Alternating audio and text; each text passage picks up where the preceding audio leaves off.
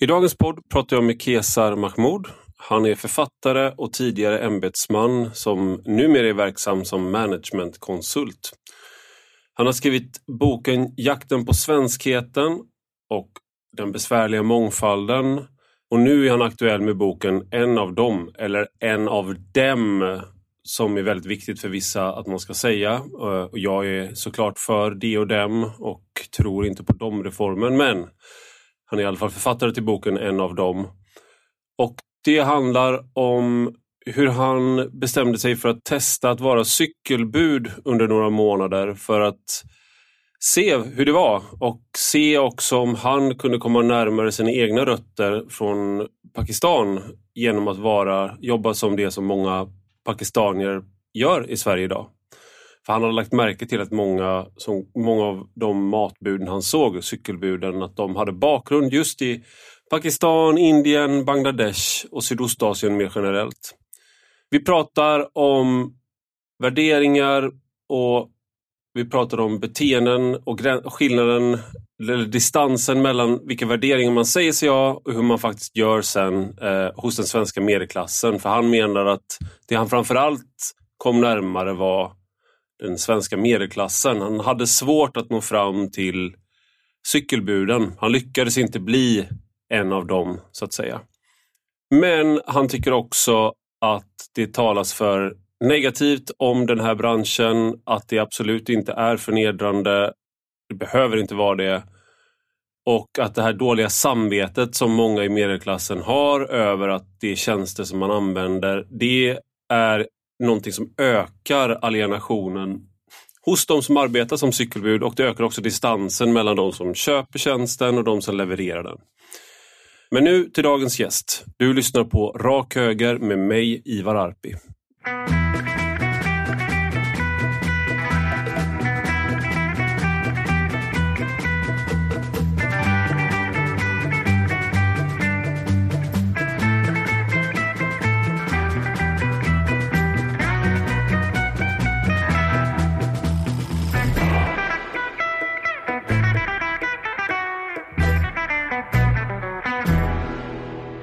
Välkommen Kesar Mahmoud till eh, Rak Höger. Tack. Lyckades jag säga ditt namn rätt nu? Ja, ja det gjorde du. För första gången vi träffades var på en debatt, eh, Het historia tror jag det var, på mm. Historiska museet. Precis, här just ja. Och då uttalade jag det Kajsar Mahmoud. Så jag hyperkorrigerade Mahmoud och så sa jag Kajsar och då kom jag ihåg att moderatorn tog väldigt illa upp. Som mm. att det fanns en, eftersom vi pratade om så här, kolonialism och sådana saker. Att de tyckte att eh, det fanns en avsikt i det där. Eh, men du, du tog inte så illa upp. Eh, och, och det, sen så bad jag om ursäkt efteråt, sen så ledde det ena till det andra, höll jag på att säga, mm. men sen började vi umgås. Mm. Men det började med att jag sa ditt, alltså att jag var att jag, behandlade, att jag diskriminerade dig helt enkelt. Mm. Ett hatbrott. Alltså grejen är så här, jag har aldrig, jag har aldrig sett uh, hur någon uttalar mitt namn som tecken på fördom eller nonchalans eller alltså någon annan typ. Och det gör med att jag är uppvuxen i Tensta och mm. när jag gick hem till mina grekiska kompisar, mm. då uttalade deras föräldrar mitt namn på sitt språk. För att Kesar, ja. Kajsar, Caesar, det är samma namn. Ja. Och när jag gick hem till turkiska kompisar och, och uh, persiska, mm. så uttalade alla mitt namn på sitt språk. Och alla var lika övertygade om att de uttalade rätt. Ja. Så där lärde jag mig någonstans, äh, viktigast är att jag förstår att det är mig de tilltalar. Ja. Och, eh, så att jag har aldrig liksom varit så särskilt känslig kring det. Men jag förstår ju att i Sverige, och det där är intressant, skulle vara intressant att reflektera någon gång kring i någon text eller så, mm. vad det är som gör att namn är så viktigt. För det kan jag uppleva, att folk är, att i Sverige är det verkligen viktigt att man uttalar någons namn rätt. Mm och korrekt. Och gör man inte det så det, kan det uppfattas som ett tecken på respektlöshet eller det kan, det kan ju vara det. Jag, jag jobbade i Danmark i, jag bodde i Danmark i, i fem år var det väl och jobbade mycket där. Bemanning, så jag träffade väl, bemanningsföretag, så jag var på väldigt många olika typer av arbetsplatser och då var det en, eh, Paul Erik, mm. eh, och han, eh, han gillade inte mig eh, alls. Men vi jobbade ihop som sanerare då och han var min, liksom, den som han var ju fastanställd och jag var där som bemanningsföretag och Mm. hjälpte dem. Du är på hans nåder. Så jag var lite på liksom sådär. Mm. Men eh, eftersom han inte var chef så vill, hade jag behov också av att markera mot honom. Men han hade en sån grej att han aldrig lärde, för i Danmark kan de inte uttala mitt namn. Mm. Så oftast så struntar man i det för Mm. att folk har inget, eh, inget ont uppsåt då. Men Mm. han hade det. Men och, då, och då var det, kommer jag ihåg någon gång när vi skulle köra liksom ifrån något ställe liksom, och så skulle han säga mitt namn och så sa han det med, liksom sån där, med, med njutning, sa fel och så sa han att vad fan är det du heter liksom. Mm. Det går inte att uttala ditt namn. Eh, och då så kom jag ihåg att då, då satte jag handen och så drog jag i handbromsen och så sa att vi åker inte, här, vi åker inte härifrån förrän du lyckas säga mitt namn korrekt. Fattar du det? Mm. Liksom. Och då var det ju kanske ett hot om våld där. Liksom. Men eh, då lyckades han faktiskt lära sig säga mitt namn. Ja, så det var helt korrekt. otroligt. Ja, så att det gick att lära sig ändå, till slut. Även för en dansk. Även för Paul-Erik. Men det är intressant för att en kompis med mig, hon eh, har också liksom du jobbat ett tag i, i Köpenhamn. Och hon har, jobbade där som sjuksyrra och hade Mm. ju då sitt namn, som är danskt tror jag också, Mm. han utskrivet på en bricka. Och hon sa också att det var så påtagligt att i, eh, rent hierarkiskt, Mm. att alla som var över henne rent hierarkiskt i den här sjukhusmiljön, Mm. som för övrigt även i Sverige var lite hierarkiskt, uttalade inte hennes namn. Fast att det stod där. Sen om det är något, oavsett eh, vad du heter, om, om det är Mm. något i, i den danska kulturen. Just det. Den Vem namn man förtjänar att bryr få ett namn? Ja, exakt. Exakt. Ja. Ja, människan no, punkt, så här, punkt 000763. exakt. Och de sa att de bara, ja men vad hette du nu igen? Trots att Ja. de hade jobbat flera pass ihop. Mm. Och, hon, och hennes namn var tydligt utskriven då på den här brickan då som hon var. Gud vad jag blir glad över att jag är min, eh, min egen nu. Jag är inte på... Jag, har ingen, ingen, jag jobbar inte i någon hierarki överhuvudtaget just nu. Det är väldigt skönt. Mhm. Det här skulle vi kunna prata jättelänge om. Det här var mycket sånt vi pratade om när vi lärde känna varandra. Då hade du skrivit en bok som hette Jakten på svenskheten. Mm. Eh, eller vi, in, vi lärde känna varandra innan det, men den Mm. kom 2012. Mm. Och då körde du 900 mil på motorcykel i, ja, i jakt på svenskhet och Mm. undersökte olika platser, pratade med människor eh, och resonerade kring, kring det. Och nu är du aktuell med en annan bok som heter En av dem. Mm. Och där har du En av dem, apropå en den här Ja, debatten just det, som just det. pågår just nu. Just det, vi, och då markerar vi att vi är, tillhör, vi är de som är finare då, genom att säga en av dem. Dem, Exakt. Och eh, då har du bytt ut motorcykeln mot en cykel och så har du arbetat i tre månader som eh, cykelbud för ett av de här, ja, Foodora är väl det mest kända, Mm. men som levererar mat och eh, livsmedel till, eh, som du beskriver som eh, den lata medelklassen då. Mm. Och jag tänkte bara, för du har i början av boken en ganska bra scen och det är precis efter att du har haft ett väldigt tråkigt samtal får man säga med din dåvarande chef. Mm. Du har druckit fyra starköl. Mm. Minst. Ja, av fyra starköl enligt boken. Exakt. Liksom. Ja, men Men redaktören ja, är skar ner. Liksom. Ja. Och då står du liksom vid ett övergångsställe och det är en, eh, en man som säger, eh, om, frågar dig om du är pakistanier. Mm. Eh, och eh, han är då från eh, ett av de här budföretagen och ser väldigt förväntansfull ut. Och du Han har hittat en landsman. mitt i liksom, Mitt i- det här var slask och han hade en December. gammal, du beskrev hans cykel som inte den eh, kanske mest terrängorienterade cykeln, Nej. en gammal damcykel. Och ingen motorkraft. Nej, förutom hans hjärta Kesar. Mm, ja, nej, men, och, och då frågar han och du säger eh, nej. Och det här var 2018. Ja. Ja. Vad satte det där igång liksom, och var, varför sa du nej? Och, Alltså Ja. grejen var att fortfarande idag vet jag inte varför jag så reflexmässigt sa nej. mm, Jag, jag tror, jag, apropå som jag skriver i boken, att det hade att göra med att jag var berusad mm, och, eh, och skämdes. mm, Eh, För att jag, eh, alltså dels för att jag tror jag har det i mig att jag hela tiden inte vill göra folk besvikna. mm, Och jag vill inte göra honom besviken där. mm, Att hans landsman mm, inte skulle leva ett rätt trogen muslims liv. ja, just det. Så, så att någonstans insåg jag att, att, att jag ville bespara honom. Mm. Att se den här fallna landsmannen Exakt. som lever i synd. Ja, men också där att inte klara av att leva upp till den här bilden. Ja. Just var, det. var, en, eh, var en besvikelse helt enkelt. Ja. Att det var det. Och då var det lättare att ljuga mig ur situationen Mm. än att eh, visa upp en nyanserad bild. Att, Sen kanske du inte var i din, du beskriver det, att din, eh, du hade fått förlängt som, eh, du var på Riksantikvarieämbetet Mm.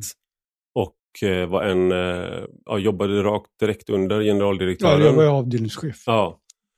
Och du hade fått förlängt och han hade sagt att han hade då tagit dig i en rum och sagt att du får hoppa av i, i förtid ungefär. Ja, Eh, utan ett särskilt bra, så jättebra skäl. Och för att det var en förändringsresa som man hade inlett och du hade fått en mentor hade sagt till dig att eh, var inte med på förändringsresan för det är alltid något huvud som måste rulla eller någon som är liksom, eh, får bära skulden för, för det obekväma i att förändra en organisation. Ja, där, apropå, det, var, det var ju min första mentor när jag började jobba som eh, gav mig rådet, för jag frågade honom, hur tycker du jag ska göra? Du sa först så här, om du vill göra karriär i svensk statsförvaltning ska du göra så få fel du kan.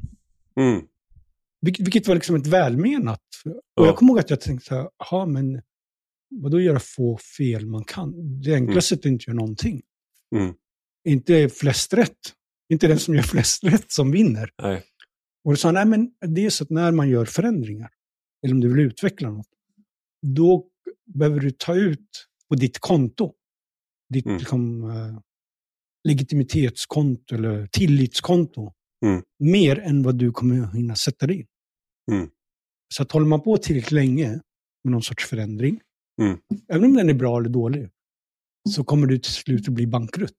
Och jag tror att det är det lite som händer.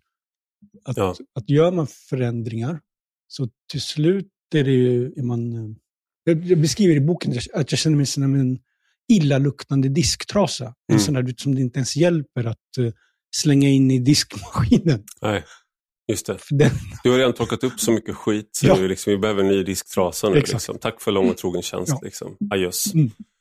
Men det, det var någonting där i, eh, som ändå stannade kvar i den första scenen, är det här nejet då, som du sen svär över också. Att det, Mm.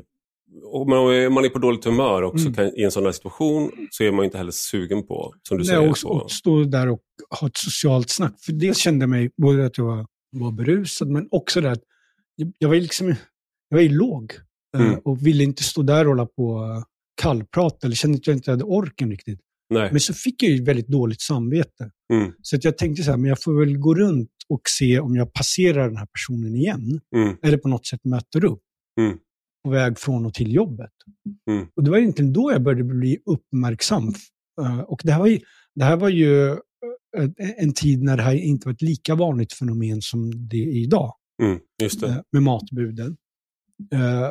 Men så upptäckte jag vänta, de flesta verkar komma från, har ursprung i Pakistan, Mm. Indien, Bangladesh, någonstans där. Mm.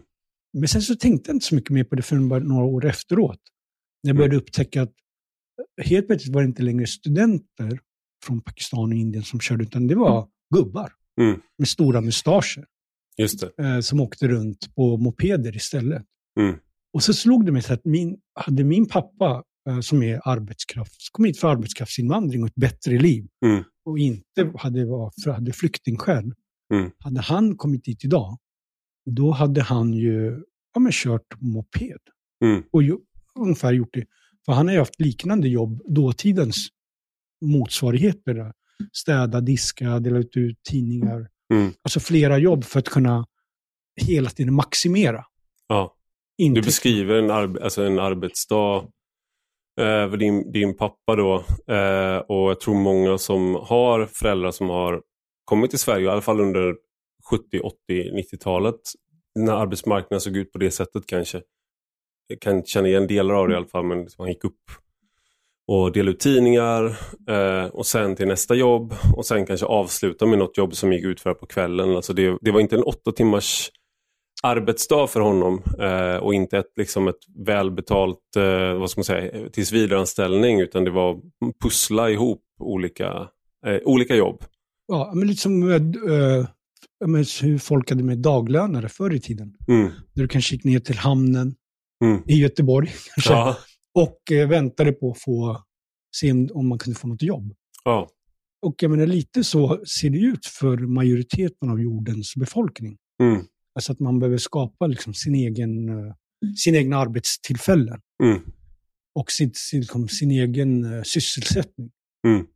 Och daglönerna satt ofta på... um, Jag såg precis en bild från för hundra år sedan i, i, i, Sverige och då var det ju just att man satt ofta i på ölhallar eller kaféer och väntade och spelade kort. Mm. Ehm, och ehm, det där, eh, en skillnad mot idag är ju, skulle jag säga, det finns ju många skillnader, men en skillnad är att det finns sällan eh, plats eller lokaler för de som jobbar för de här budfirmorna och det är svårare.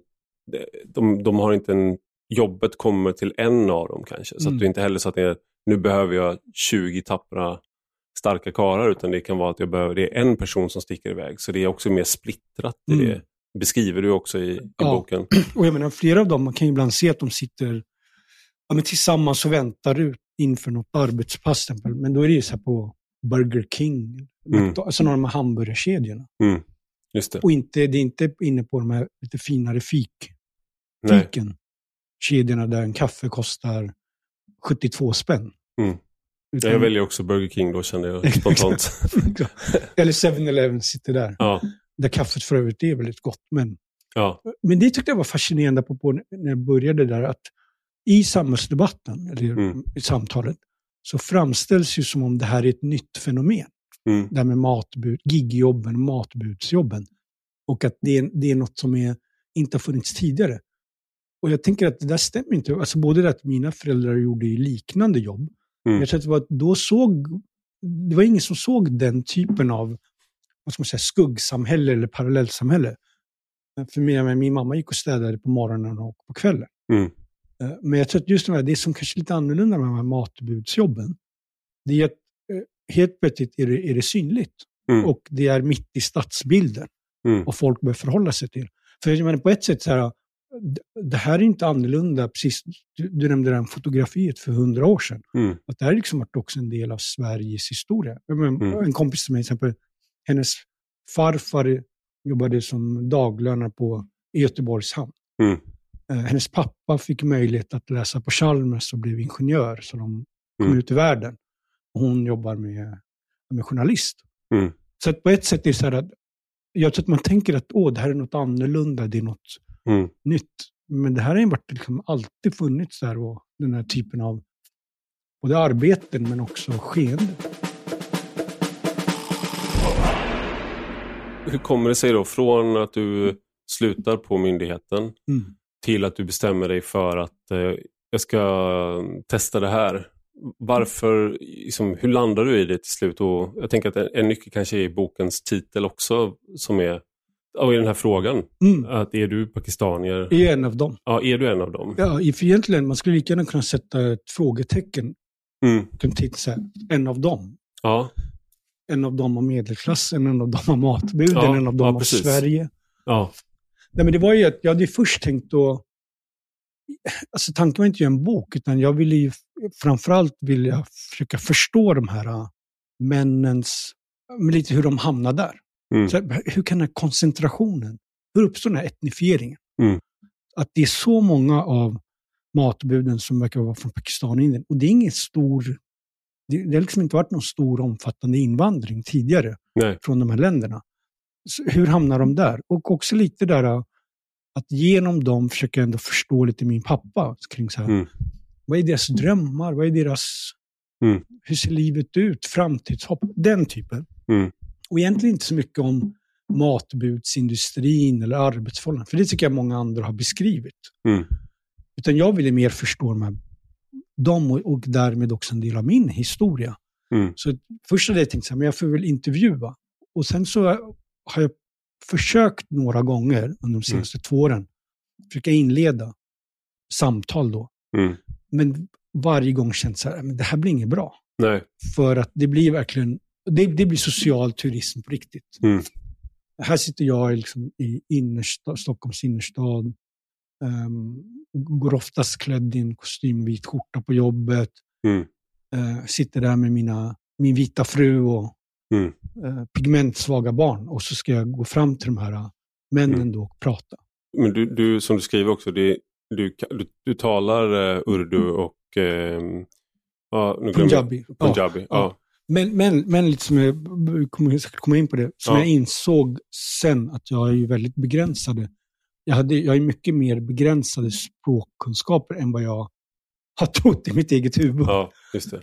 Och, men, men så kände jag också att men, om jag ska kunna både närma mig de här personerna på ett respektfullt sätt, men också kunna förstå, då behöver jag känna det här in på kroppen. För, för det är Mm. så att vissa grejer går inte att förstå intellektuellt. Mm. Utan man måste verkligen mm, kropp, använda kroppen och Mm. alltså fysiska intryck för att greppa. Så då tänkte jag men då får jag väl försöka, då får jag söka jobb helt enkelt. Så att både det där att, att själv känna hur det är att jobba, Mm. trampa fram och lämna och hämta för att få en lite djupare förståelse. Inte, inte fullt ut, men i alla fall lite mer än vad jag kan få genom att ha ett samtal. Mm. Och dessutom också att då, då kommer jag förhoppningsvis kunna ha lite mer naturligare samtal, för då kommer det vara från samtal mellan kollega till kollega. Mm. Snarare än någon som egentligen är svensk, men är, bor i en pakistansk kropp, Ja, pratar med en annan just det. som är både pakistan i kroppen och i, i huvudet. Mm. Så att säga. Så att därav kändes det helt som ett naturligt sätt då att söka jobb. Och så insåg jag så här också, shit, det här är första gången i mitt liv kanske som jag har utseendet till min fördel. Ja, Att de, så länge jag eh, ja, snackar engelska med lite indisk brytning Mm.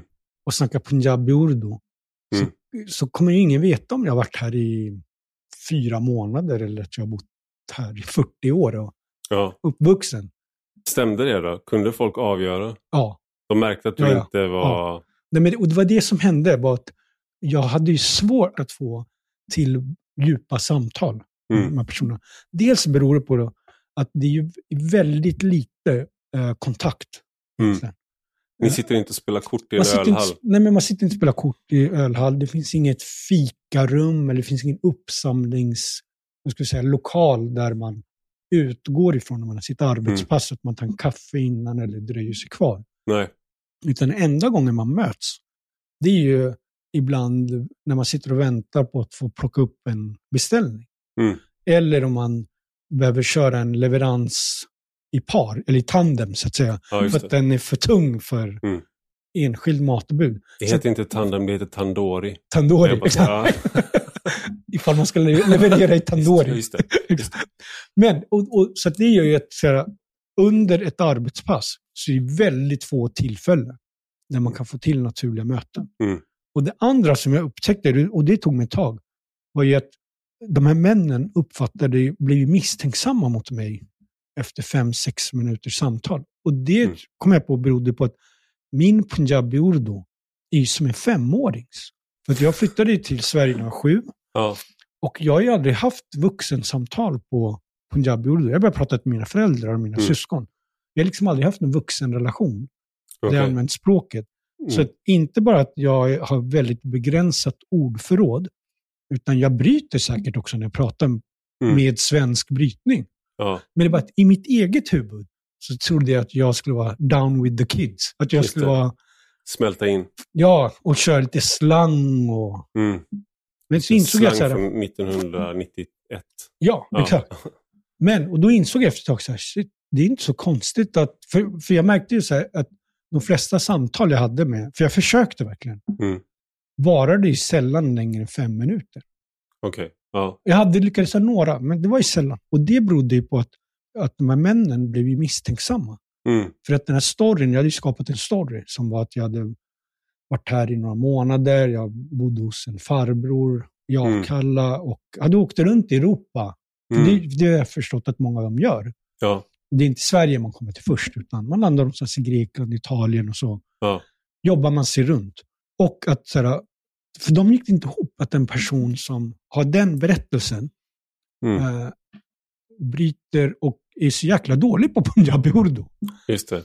Och jag tror att för dem misstänkte säkert att antingen att det var företaget där jag jobbade Mm. som hade skickat någon undercover för att spana på dem Ja. så att de skötte sig. Ja. Eller om jag kanske var... ut- Undercover boss. Exakt, exakt. Det här programmet. Eller att jag var kanske utsänd från svenska myndigheter, Skatteverket eller Migrationsverket. Kolla fusk. Kolla fusk. Vem ska utvisas? Ja, Ja. men vad de inte vet att så skulle inte svenska myndigheter jobba. Nej, det är lite Eller- för intrikat. Eller inte vad vi vet. Eller hur? Nej, exakt. precis. exakt. Ja. Nej, men så det, var, så det gjorde ju också att det var väldigt svårt att få kontakt. Och, Ja. och jag, apropå din fråga, så här, lyckades du? Men nej, jag gjorde inte det. Nej. Och då insåg jag också att ja, men jag är inte en av dem, även om jag, hur gärna jag skulle vilja. Mm. Men du hade en tidigare episod som du inte går in på i boken så mycket, men det var ju att du när du var 17 eh, åkte till Mm. eh, Pakistan Mm. för att du och gjorde militärtjänstgöring i Mm, 18 mm. månader. Mm. Varför gjorde du det? Och, liksom- Hjälpte inte det något? Alltså, Nej, men, det- ja, precis, vad var behovet och vad var du, och Nej, vad, jag- vad, vad kom du på? Nej, men jag hoppade ju av gymnasium två gånger. Mm. Och där inne jag bodde i, i Tensta, det är ju verkligen usla betyg och Mm. kände allmänt så alienation till samhället och eh, till eh, ja, men hela, mm, att vara, vara i Sverige. För jag Mm. tolkade ju allt som att det handlar om att, vara, att jag var invandrare och jag var pakistanier. Det var därför jag inte hörde Mm. hemma här. Så då eh, bestämde jag mig för att åka till Pakistan för att då ta värvning flottan. Som var ett sätt, så här, ett, ett logiskt sätt att försöka både hitta en försörjning, men också att hitta, liksom, och inte bara så här, dra iväg på en backpackresa, utan det var ändå så här, okay, men jag, då drar jag dit och så får jag utbildning och eh, ett yrke och ett sammanhang. Ja. Och där snackar man mest engelska, så jag fick inte möjlighet att prova på att bli bättre på punjabi och urdu. Nej. Men eh, jag upptäckte där efter ett av de här månaderna att så här, men shit, jag är ju inte, det här är ju inte mitt land heller. Nej. Jag är ju lika, alltså jag upp, uppfattas och ses ju lika, som en främling lika mycket Mm. som i Sverige. Eller som jag kom uppfatta det.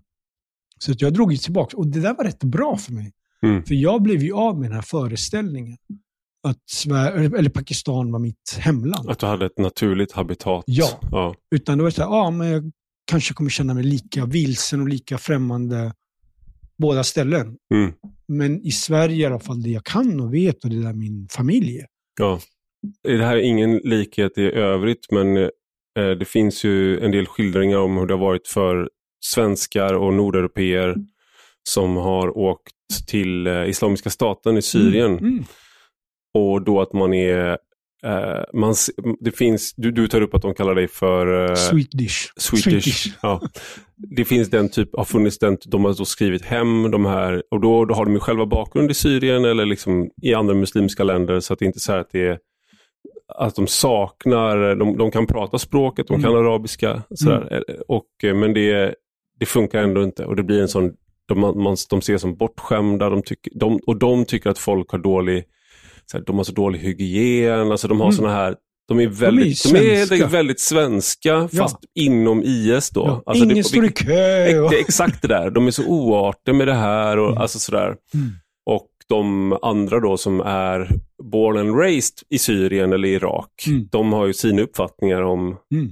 så att Komma hit och... exakt ställa de här kraven. Liksom, och- ja, precis, vad duger inte den här maten till Mm. dig? Liksom, och, Men jag tycker inte det var en sån dålig liknelse för att jag tror faktiskt att hade... Nu var det en slump som gjorde att jag åkte till Pakistan, flottan. För det var nämligen så att jag gick in till bibblan en dag Mm. i Tensta och eh, fick någon tidning från Pakistan eh, som jag började bläddra i. Och där stod Mm. det en annons som var så här, Okej, eh, Join the Navy. Ja, just det. Be. Adventure. Och Ja. då var det en bild på en man, en väldigt snygg man i en snygg vit uniform. Och då hade jag precis sett Top Gun. Ja, Och eh, Tom Cruise i, i, i den där precis. vita... Den bra rekryteringsvideon, Ja. Top Gun. Exakt. Mm. Så att det var egentligen det som gjorde att jag tänkte så här, men Sverige, är inte, jag känner mig inte hemma här. Mm. Jag hör hemma någon annanstans.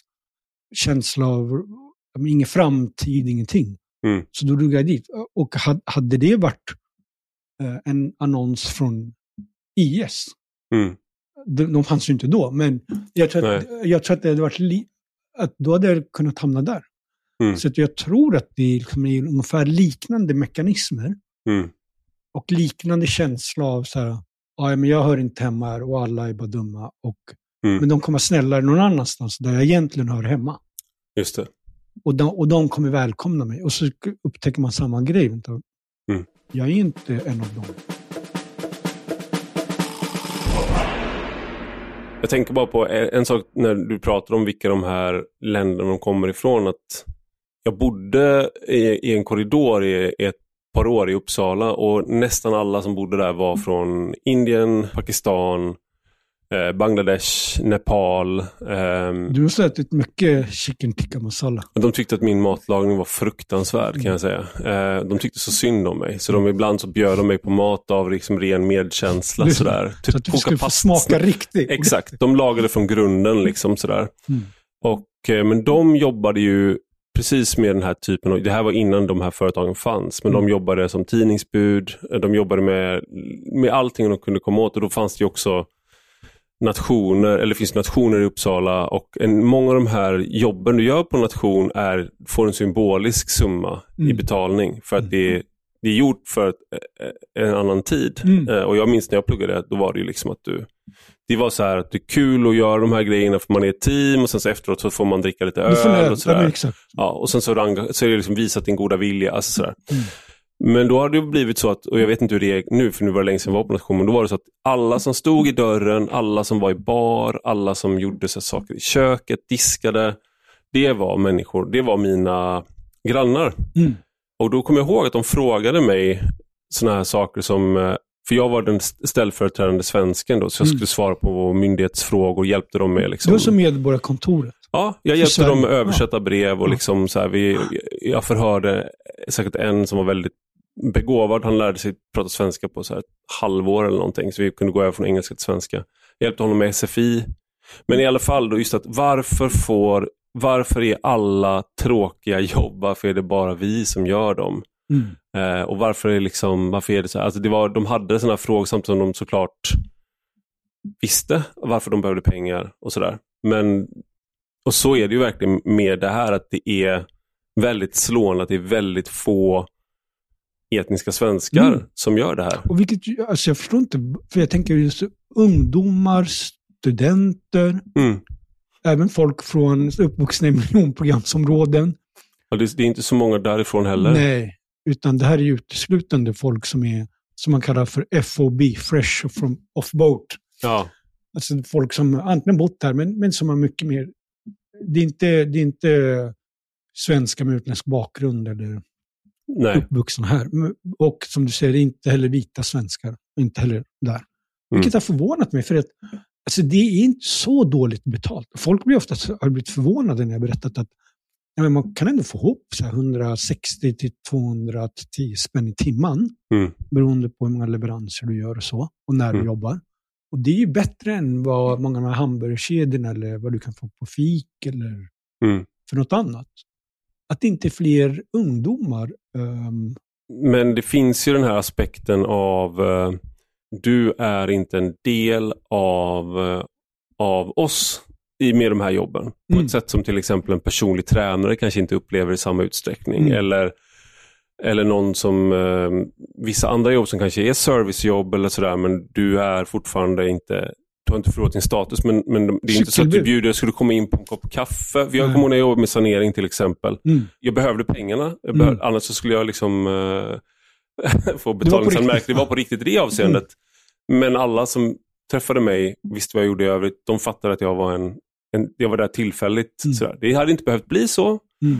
men, men det var det som jag hoppades på. Mm. Och, eh, sådär. Men då var det i alla fall, när du är hemma hos människor och sånt där, de bjöd ju oss på kaffe och fika. Så du var liksom aldrig, fast du var liksom en, en skitgubbe, i Mm. bokstav, alltså du rensade upp klo- kloaköversvämningar och sånt där, så Mm. var du fortfarande en del av, Samhället. ja, men Mm. du bjöd ju aldrig in Mm.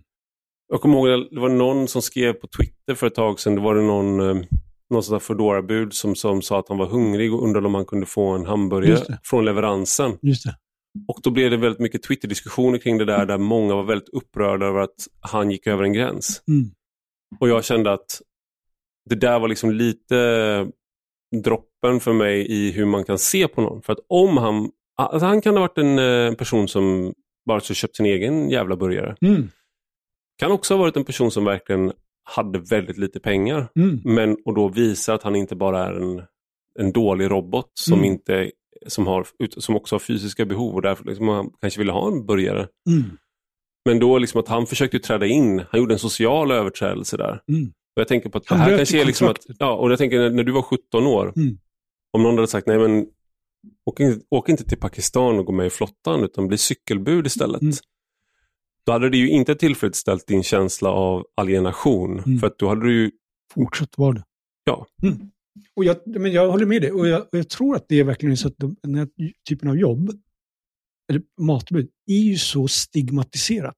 mm, Och det har ju att göra med att vi i medelklassen, men lite som jag skriver om också i boken, att, att en av de här insikterna jag gjorde var att oftast talar man ju, ser man ju de här matbud som offer och Mm. att de är i händerna på giriga kapitalister och så vidare.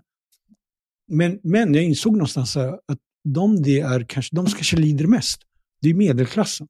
Av den enkla anledningen att man lever ett liv Alltså man eh, lever i ett modernt samhälle, man försöker få upp livspusslet, har olika hjälp som man egentligen borde klara själv. Överkonsumerar, så känner man hela tiden skam och skuld.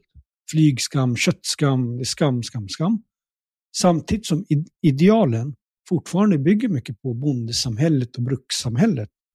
Som Mm. Sverige varit där, ja, men själv är bäste dräng, du ska ta hand om din skit jantelagen, du ska inte komma och tro att du är någon. Vadå, är du fin nog kan du inte ens gå och hämta din mat själv. Ett sätt för oss att lösa den här diskrepansen då mellan vilka vi vill vara genuint och vilka vi faktiskt är på grund av så som samhället och livet ser ut. Mm. Blir ett sätt att vi både tittar bort, vi vill inte se det här. Mm. För då finns det inte. Och vi behöver inte förhålla oss till det. Men också att vi i sociala sammanhang tar så kraftigt avstånd ifrån det här. För det är också ett sätt att signalera, godhet signalera på ett sätt. Här, Mm. Att jag minsann, jag tycker att de här jobben är hemska och fruktansvärda, de ska inte finnas. Och, det och de stackarna som är där. Ska vara. Men det som händer är, är att man skapar ju både en känsla av separatism hos de här personerna. Som så, okej, ser inte du mig, då ska inte jag se dig. Mm. Vill inte du ha mig här, ja, men då är jag i mitt eget sammanhang. Mm. Och samtidigt man också gör de här jobben till så stigmatiserat så att inga andra som skulle kunna ta den typen av jobb gör det. Mm. Av den anledningen som du säger att jag menar, ska man känna sig ännu mer alienerad och ännu mer utpekad. Mm. Och, och varför skulle man vilja det? Mm. Och så, så att paradoxalt nog, det jag upptäckte var att visst, jag kom inte, jag kom inte in djupet på matbudens inre värld, även om jag lyckades ha samtal och ändå kunde utifrån den lilla information jag fick, utifrån mina föräldrar haft och mina vänners föräldrar och släktingar, kunde ändå pussla ihop lite grejer. Men framförallt blev det ju en, för mig ett sätt att förstå medelklassen egentligen. Mm. Jaha, det är så här man blir betraktad. För jag är ju en del av den medelklassen. Mm.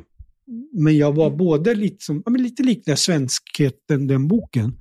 Och så här, både var inne och ute. Mm. Alltså både bli betraktad som någon utbörling, Mm. när du egentligen är, är en inbörling. Ja, just det. Och samma grej var här, att jag tror att mina största insikter var kanske inte om matbudens liv, det var medelklassens liv. Mm. Och, och medelklassens liksom, sätt att kämpa med det här, förhålla sig. Och lite Mm. så här, alltså man hårdrar lite visst medelklassen kanske är vårt sätt att hantera vår skam och skuld. Mm. Kanske inte det som genererar utanförskap och segregation, men jag tror att det driver på, det spär på. Det ligger mycket i det du säger. Men jag tänker det här med att eh, man, när man har avslöjat de här dåliga, dåliga villkor till exempel och att man har haft då, som du, du tar också upp det, liksom att man hade ju ett kollektivavtal som tecknades som det var med eh, Fedora och sen eh, fick det kritik då av, eh, av flera aktörer att eh, det bara var en, en Potemkin-kuliss skriver du. Mm. Ja, till exempel att man har hela tiden liksom, man har problem med att få rimliga villkor för de här. Och det, är ju liksom, det har väl egentligen varit ett problem sedan eh, arbetsmarknaden förändrades på 90-talet med, och när bemanningsföretagen började komma, att man hade olika Eh, och det här är också då att fack, det, på grund av det vi har pratat om, att man, de här människorna som jobbar med det här, cykelbuden och, och buden, de, eh, hela gig-sektorn egentligen, det är svårt att organisera sig också av rent, för du är inte på samma plats, du sitter Mm. inte, du känner inte de andra. Mm.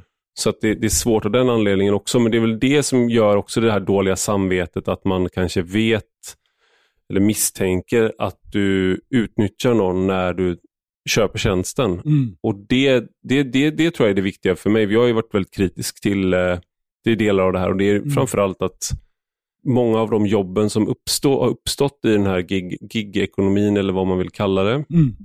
Är väldigt osäkra. Mm. Och om blir du sjuk eller om någonting händer, att du, du kan åka ut väldigt snabbt på ett sätt som inte gäller vissa av de här, många av de här andra jobben som kanske är, också är um, jobb som man kanske själv då, om man är utbildad, tycker är under ens värdighet eller någonting. Men då är det i alla fall, du kan i alla fall sjukskriva dig, du kan i alla fall um, liksom, ja, Mm.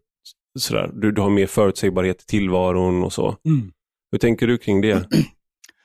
Nej, men det är klart att eh, alltså villkoren kan vara mer eller mindre eller bättre eller sämre. Och jag tänker att det har ju skett påtryckningar i samhällsdebatten som har gjort att, att, att även villkoren för den här typen av jobb har förändrats. Mm. Utan det jag snarare vänder mig mot det är den här att, att jag tror att folk har en mycket, mycket sämre bild av villkoren och förutsättningarna än vad det är. Mm. Och, och jag säger inte att de är bra, men folk har nog en mycket värre bild av vad det är. Mm. Och jag tror att när man både skönmålar eller svartmålar saker och ting, då blir det svårt att liksom se dem för vad det är Mm. och, att, och att komma med bra konstruktiva lösningar. Mm. För, för får man titta på de som skönmålar den här typen av jobb, så är det, här, det här är viktiga instegsjobb, eh, det här leder till integration. Mm. Bara, nej, det gör inte det. Nej. Den här typen av jobb är inte instegsjobb för individerna. Men Mm. Mina föräldrar städade, diskade, mm, delade ut hela sitt liv. Mm. Men deras instegsjobb var instegsjobb för mig och mina syskon. Mm. Och så att just den aspekten tycker jag kommer bort mycket i, debatten och diskussionen. Mm. Att den här typen av jobb möjliggör ju för eh, individerna och deras familjer Mm. att kunna få ett bättre liv. Det, Utan att liksom hålla på och skönmåla. Det, det är inte det att så här, åh, Men är det att man vill ha, för att det, du tog ju också upp det här med att, vi all, att vi, det här är inte så att det här är någonting helt nytt. Mm. Eh, jag tror det var i podden eh, Politiken i eh, SvD där Torbjörn Nilsson, och Maggie Strömberg och Henrik Torehammar eh, pratar. Och eh, Då pratar de om hur många, hur statsministrar hade levt Mm. och att jag tror Ingvar Carlsson var väl den som hade haft det liksom inte haft städhjälp, bott i en enkel lägenhet och sådär. Mm. Eh, och nu, och det hade, hade att göra då med Magdalena Andersson, det här med hennes eh, städ, städhjälp. Det var, jag kommer inte ihåg vad kontroversen var, men det var då Mm. de gick igenom. Och då att för hundra år sedan så var det ju en, en självklarhet att du hade någon som hjälpte till med barnen, du hade Mm. någon som eh, städade och lagade mat och sådär. Mm. Eh, och eh, det där har liksom varit en eh, förutsättning för då den så här, borgerliga Bildade- kärnfamiljen. Mm. Då. Och nu så tycker vi att det där är fel. Om, om, man kollar på gamla lägenheter och sånt där så har de ofta haft en jungfrukammare och, och sådär. Så att det återspeglar, alltså det har varit så man har, man har levt. Men nu har vi ju istället då gjort de här jobben till professioner och vi har det på större barnskala. Så att du tar inte hand om en, en borgerlig familjs barn utan du arbetar som eh, förskolelärare till exempel. Och eh, på samma sätt så har man haft, eh, du, du kanske inte bor hemma hos någon och städar och lagar mat. Utan du städar hos många och Mm. sen betalar de det via rutavdraget. Sådär. Mm.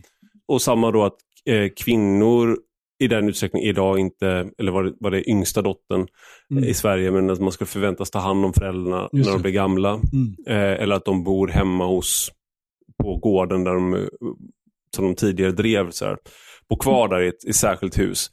Utan man har idag hem för det och så Mm. jobbar man och får lön för det. Mm. Det här är ju på något sätt att man visar att vissa, funktion, vissa av de där sakerna eh, behöver, eh, vill vi fortfarande ska utföras. Men det har varit för dyrt och svårt att organisera och nu så är det, går det att göra igen. Mm. Men då åter, finns det här stigmat som då kanske har tagits bort från att jobba på en förskola Mm. eller på ett städbolag eller på ett äldreboende. Eh, det är inte stigmatiserat på det sättet. Mm. Men de här jobben är ju ses som ovärdiga för att det visar på en ojämlikhet i samhället. Och då undrar jag, är det bara då att man har dåligt samvete för att samhället inte är så jämlikt som man vill att det ska vara? Eller är det något mer? Nej, men det, Alltså jag, jag har funderat över det på det här, till exempel min, min mamma städade ju. Mm. Men det var ju på ett kontor. Så på något sätt verkar det vara så här att det är okej att utföra sysslor, som du är inne på. Samma sysslor. Mm. Men om de görs åt kollektivet. Mm. Men görs de åt individen, då blir det något annat. Mm. Alltså, folk kan säga så här, ja men då kan du inte städa upp din egen skit hemma? Mm. Någon. Men det är ingen som säger, kan ni inte städa upp på era arbetsplatser? Mm. Eller, för man borde kunna ha liknande resonemang. Ja. Eller, jaha, ska du hämta, orkar du inte gå och hämta din egen mat? Mm. Men man har inga problem att, eh, när man är på jobbet, att det levereras mat dit. Så det är no, vi har ju något i vår svenska kultur som gör att så länge saker och ting sker kollektivt Mm. så behöver inte individen ta ansvar eller, eller liksom hantera det där äh, Mm. glipan. Men så fort det blir på individnivå, där har vi liksom svårare att hantera det. Mm. Och då blir det lätt att det blir det här äh, känslan av skam och skuld. Och jag tror att det är mycket liksom hänger kvar av det här, som jag är inne på, bondesamhället, brukssamhället, jant, alltså en kombo av hur det var under 50, 60, 70-talet när det moderna samhället växte fram. Mm. När man Då liksom, försvann ju alla de här, eh, liksom, pi, pi, alltså alla de här tjänstefolk och sånt där. ja, som att gick in i- individerna, liksom, ja. utan det skulle vara, så länge kollektivet Mm. tar hand om det, så är det bra. Mm. Jag, tänker mycket på nära Henrik Berggren eh, och Lars Trädgårds nära i Svensken är människa, deras Mm. huvudtes liksom att ja, men, vi, vi, vad de kallar för kollektivistiska individualister. Statsindividualism, Ja. ja. precis. Och jag tror att så länge saker och ting och fenomen är på den nivån, då är det okej. Mm. Och nu helt plötsligt börjar vi behöva hantera saker och ting på individnivå. Mm. Klara av livspusslet eller vad vi nu kallar det. Mm. Och, och då dyker de här jobben tillbaks. Mm. Och vi vet inte riktigt, varken hur, hur vi har lärt oss att hantera arbetsmarknaden eller familjelivet och det. Mm. Så jag tror att det, det är också, det är också ett här ovana hos oss. Mm. Att hur, hur får, får vi ihop vilka vi vill vara och hur livet ser ut? Mm. Och, och där handlar det också om att vi, också medelklassen, vi projicerar ju i all välvilja våra egna föreställningar om det goda livet. Mm. Men jag tänker på för mina föräldrar och, och alltså mycket när de växte upp, eller när jag växte upp, då är det så här, okej, hur skaffar vi så mycket pengar som det bara går? Mm. Och varje timme du inte jobbar, det är en förlust. Mm. Det, det är pengar som inte kommer in, för det finns munnar mätta. Och, återigen, jag ser inte att det är bra eller dåligt, det är så ser verkligheten ut Mm. för, många, för många som de hanterar. Och, och, och, då, tror jag för oss att vi går in och värderar det utifrån våra, hur vi vill leva livet. Mm. Och på det sättet tänker jag att ja, men så ska de andra också leva, utan att tänka, att, ja, men är deras liv, ser det ut på det sättet i övrigt?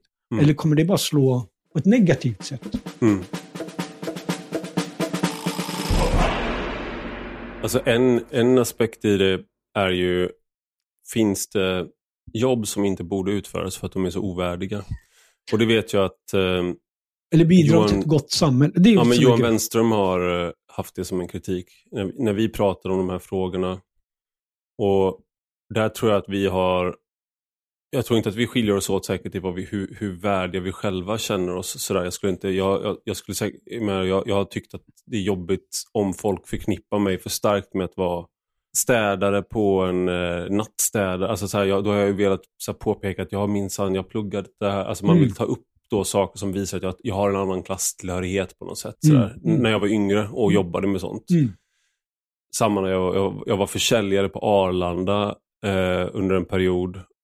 Det var ändå, då hade jag egentligen, borde jag ha varit klar med mina studier. Så mina liksom, folk som jag hade pluggat med, de hade gått vidare till fina jobb. Och så Mm. kom de, flög de och så träffade de mig där. Ah, vad gör du nu? Bara, ja, det, det här. Mm. Det är det du ser mig göra och det, Mm. det kändes väldigt jobbigt för mig. Mm. Men, men bortom det då, att, att man har de här eh, spöksmärtorna av, av ens klasstillhörighet, så tycker väl han att till exempel att det inte här är inte ett värdigt jobb Mm. och, och vissa andra jobb kanske inte ens, det borde inte vara någon som, som utför de här jobben. Du borde hämta din egen mat, laga din egen mat. Mm. Och, och det är ju det här, städa upp din egen skit. Det är den. Mm. Och, och vad är din, vad är din, det finns någon Alltså, gräns jag- där? ab- ab- absolut, jag, jag, tycker, jag tycker verkligen inte att eh, bara för att det finns en efterfrågan Mm. så, är, så är det inte att då ska man utföra det. Men det är inte ett eller noll. Mm. Jag tycker inte att matbudsjobben, eller städjobb eller vad det nu är, går vid den gränsen. Sen kan man diskutera så här, för, för jag har ju hört ett annat argument också. Att, ja, jobb som inte bidrar till ett gott samhälle ska inte finnas. Mm. så här, vem avgör det? Mm. För det ligger ju också Jag tror du och jag båda med våra jobb eh, ligger ganska illa till. Illa till, ja verkligen. Och då är bara frågan, okej, men vem kommer sitta och avgöra det? Mm. Och samma grej, det är inte ett värdigt jobb. Vem avgör det? Mm. det och och det, det tycker jag också är så slående. Att det är ingen som frågar de här matbuden. Nej. Jag ska inte säga att det var inte så att folk skulle säga, ah, vad kul att jag har hamnat här. Jag, eh, och snarare än kanske på något finare jobb med höj och sänkbart skrivbord och fruktkorg. Mm. Men det var ju väldigt få som såg sig själva som offer. Mm. Utan det var att va, man gör det bästa möjliga av situationen. Samma Mm. grej med mina föräldrar. Såg inte sig själva som offer. Nej. Eller att de gjorde något ovärdigt. Tvärtom. Alltså, Mm. De gjorde det värdigaste man kunde göra. Mm. Tog jobben, slet, pausade sina drömmar för att vi, deras barn, skulle kunna få ett bättre liv. Mm. Och då tänker jag, vad kan vara mer värdigt än det?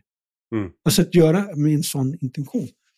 Och, och det tycker jag skavt också i mig, och i synnerhet ännu mer efter det här. är att Med vilken rätt sätter vi oss som inte, som har liksom lyxen att inte behöva slita på det här sättet? Mm. Har vi rätt att definiera så här, det här ska inte finnas, för det är inte värdigt. Det här ska inte finnas, för det bidrar inte till ett gott samhälle. Mm. Och, och med det sagt, jag menar inte så här, ja, bara för att det finns en efterfrågan och någon är beredd att pröjsa några kronor, så ska man göra det. Men jag tycker inte gränsen går här riktigt.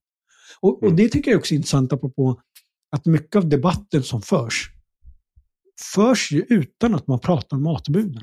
Mm. Jag hörde häromdagen att det pågår någon utredning om man tittar på om man kan reglera det här. Mm. Och jag är nästan säker på att i det så ingår inte någon referensgrupp med personer som utför. Utan det kommer sitta parter från olika in- intressen Mm. och så kommer de hitta och jämka. Mm. Och så kommer man utifrån det, då, då de som jobbar där och beslutar om det, kommer att applicera sina egna normer, värderingar, hur deras liv ser ut och föreslå något som kanske slår helt fel mot de som det drabbar, eller projiceras på eller behöver hantera. Så det jag hoppas verkligen, det är att vi ett börjar se att det här är människor av kött och blod med känslor, inte titta bort för att vi vill reducera ångest. Och då börja intressera sig för deras verklighet. Och att jobba för att skapa bättre och drägligare arbetsförhållanden. Mm. Men utifrån deras perspektiv.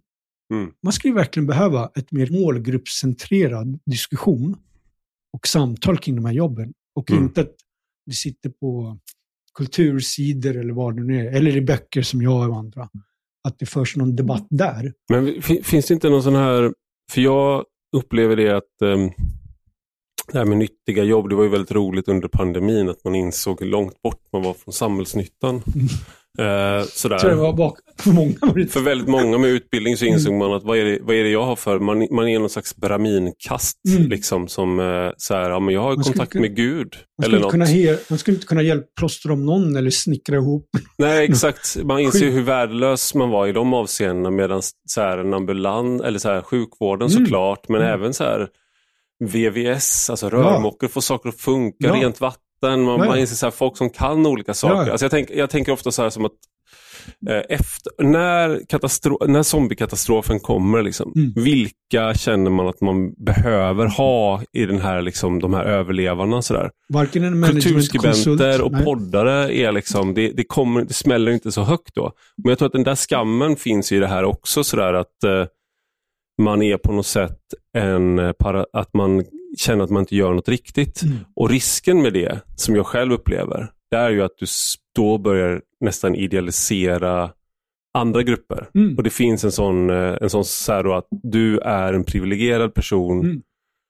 Och det bästa med att tänka på det, Mm. det är att du faktiskt är privilegierad i olika avseenden. Mm. Och att du då försöker att så här, ge tillbaka Ja. någonting, att man är eh, och, och sådär. Det sämsta med det är när du då ska på något sätt göra om, eh, om du är rik så betyder det, och du känner det här, då betyder det att fattiga är bättre. Liksom. Eller om du är vit, då betyder det att människor med en annan hudfärg, liksom som ofta också är fattigare, Mm. är på något sätt mer autentiska, mer liksom, Mm. det är på riktigt. Är de, Mm. alltså sådär. Och den här aspekten finns ju lite i det här också, att du har då människor som är kanske med bara en fot i Sverige.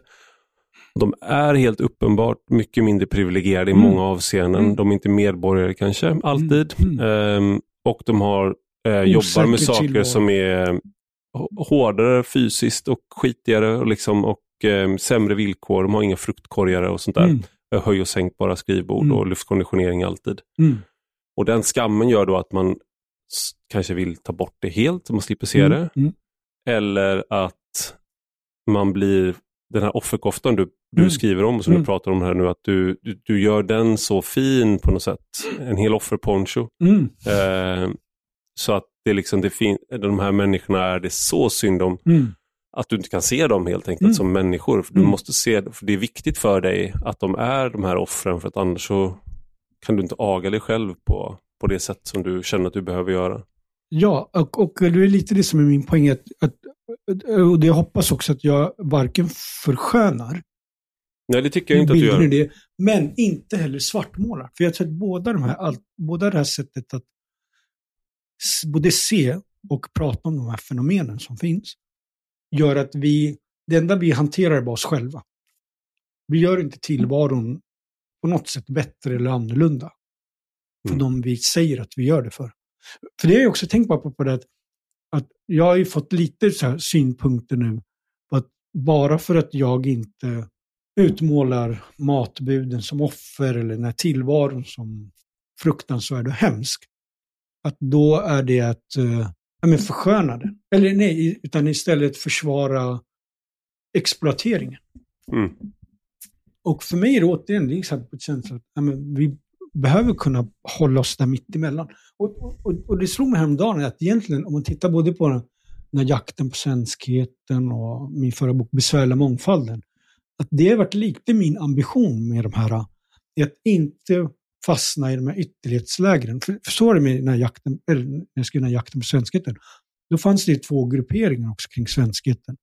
Det var ett gäng som sa, så här är det, det har alltid varit så, det kommer alltid vara så. Mm. Ett annat, nej det finns inte, kan vi inte alla bara vara människor och eh, eh, Världsmedborgare. världsmedborgare Mm. sjunga We shall overcome. Och så Mm. man bara, nej vänta, det finns något där mittemellan. Mm. Samma grej med den här visuella mångfalden. Inte. Å ena sidan är så här, mångfald är jättebra, det är jättehärligt, vi älskar det. Så ser man bara, nej men vänta, det är bara att titta på hur arbetsplatser ser ut och folk umgås. Det är inte mycket olikheter där. Mm. Och jag tror att, att det här sättet att liksom både försköna och, och liksom, eh, göra ett offer gör att vi inte förmår att hantera saker och ting som de är. Mm. Att se så här, mångfald, det är jobbigt med mycket olikheter. Då. Helst vill man att folk ska hålla med en. Mm. Men det kanske inte funkar i den världen vi lever i. Nej. Utan vi behöver förhålla oss till det. Men låt oss då liksom se att det är det här vi har att jobba med. Mm. För annars blir det så att vi gör en sak och vi säger en annan. Mm. Och så sopar vi undan grejer under mattan. Mm. Mycket för att hantera oss själva. Som en sista sak då så tror jag att jag, jag, jag lärde mig att eh, nyligen fick jag höra att eh, när Oliver Twist av Charles Dickens då sattes upp som teaterpjäs så vid en av de ganska tidiga uppsättningarna då så var Lenin där. Och eh, stå, han, gick, han gick under tiden, han kunde inte sitta kvar för han blev så sjukt provocerad av lösningen i den boken. Mm.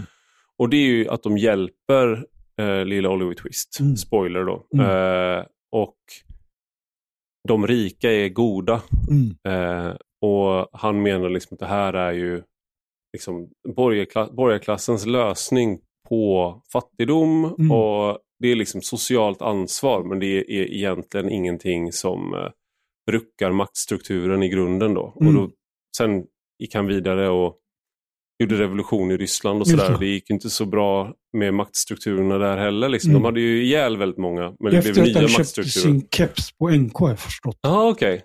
Ja, precis. I, så att Sverige är med där också. Ja, Sverige är med där ja. Och, eh, men just den här aspekten av att eh, vi ska inte se dem som offer. Vi ska inte liksom försköna, eh, det, varken försköna eller svartmåla. Men blir det ändå inte så att vi har ett samhälle där vi har fått en etnifierad underklass och att det är bara liksom så det är då? Nej, men jag tänker att den här etnifierade underklassen alltid har varit där. Mm. För det var lite det jag, apropå, som jag insåg också, apropå den första frågan. Hur kommer det sig att det är så må- många pakistanier Mm. som gör de här jobben? Och där var svaret här, jo men om man tittar bara rent statistiskt, så 80 procent av alla jobb, skulle jag säga, oavsett bransch, Mm. förmedlas via sociala kontakter. Mm. Det är både så här att ja, men du får bli inspirerad, någon visar vägen, du har några som kan berätta lite för dig hur du kan lösa grejer. Och då är frågan så här, ja, men varför skulle det vara annorlunda med de här jobben? Mm. Och, och är samhället segregerat, alltså i uppdelat, då är det klart att arbetsmarknaden också är det. Och så var det också när jag växte upp. Jag menar, vi pratade om det i början, att här, mina grekiska vänner, deras föräldrar hade städfirmor på den tiden. Idag är det majoriteten som har det från öststater. Mm. Mina turkiska vänner, deras föräldrar hade pizzerior. Mm. Eh, Och de få pakistanier jag kände till, de hade alla de här souvenirbutikerna på Drottninggatan i Stockholm. Du vet de här som säljer vikingahjälmar och Ja. Dalahästar. Det är Ja. pakistanier Jaha. som älskar här. Ja. Och, eller kristallbutiker. Och då är det så här, ja, så har det alltid varit. Mm. Och lite så är det nu Mm. också. Men, men jag tänker att allt det där, så länge man ändå försöker göra drägligt här och nu, så kommer det förändras. Jag menar, Mm. jag jobbar idag med något helt annat än med kristallaffär eller något med... ja, du är ju cykelbud. Eller hur? Exakt. Och min brorsa, min syrra gör det. Så att jag tänker att nästa generation Mm. kommer förhoppningsvis kunna göra helt andra grejer. Mm. Så det är kanske så, så här, lite hårt kanske man får acceptera att det kanske kommer vara så för de här personerna som är här. De kommer inte kunna ta sig någonstans annat än göra de här jobben. Och det, de kommer inte bli integrerade i samhället eller vad det är. Men deras barn kommer kunna ha en annan framtid. Om vi har, samhället har kvar där skolan funkar och där utbildningen kan vara ett sätt att liksom göra klassresor. Stort tack Kesa Mahmoud för att du var med i Rak Höger. Tack! Och stort tack till dig som har lyssnat. Gå gärna in och skriv en recension på Apple Podcasts eller i den app där du lyssnar på podden. Och detta är alltså en del av en större publikation på Substack med samma namn som podden. Och den som prenumererar där kan även ta del av de texter jag skriver. Gillar man det man läser och hör får man gärna bli betalande prenumerant för 5 euro i månaden eller 50 om året. Då får man ta del av lite exklusivt extra material också. Du hittar rubbet på ivararpi.se. Och har du några frågor eller synpunkter kan du alltid mejla mig på ivararpi.substack.com. Vi hörs igen.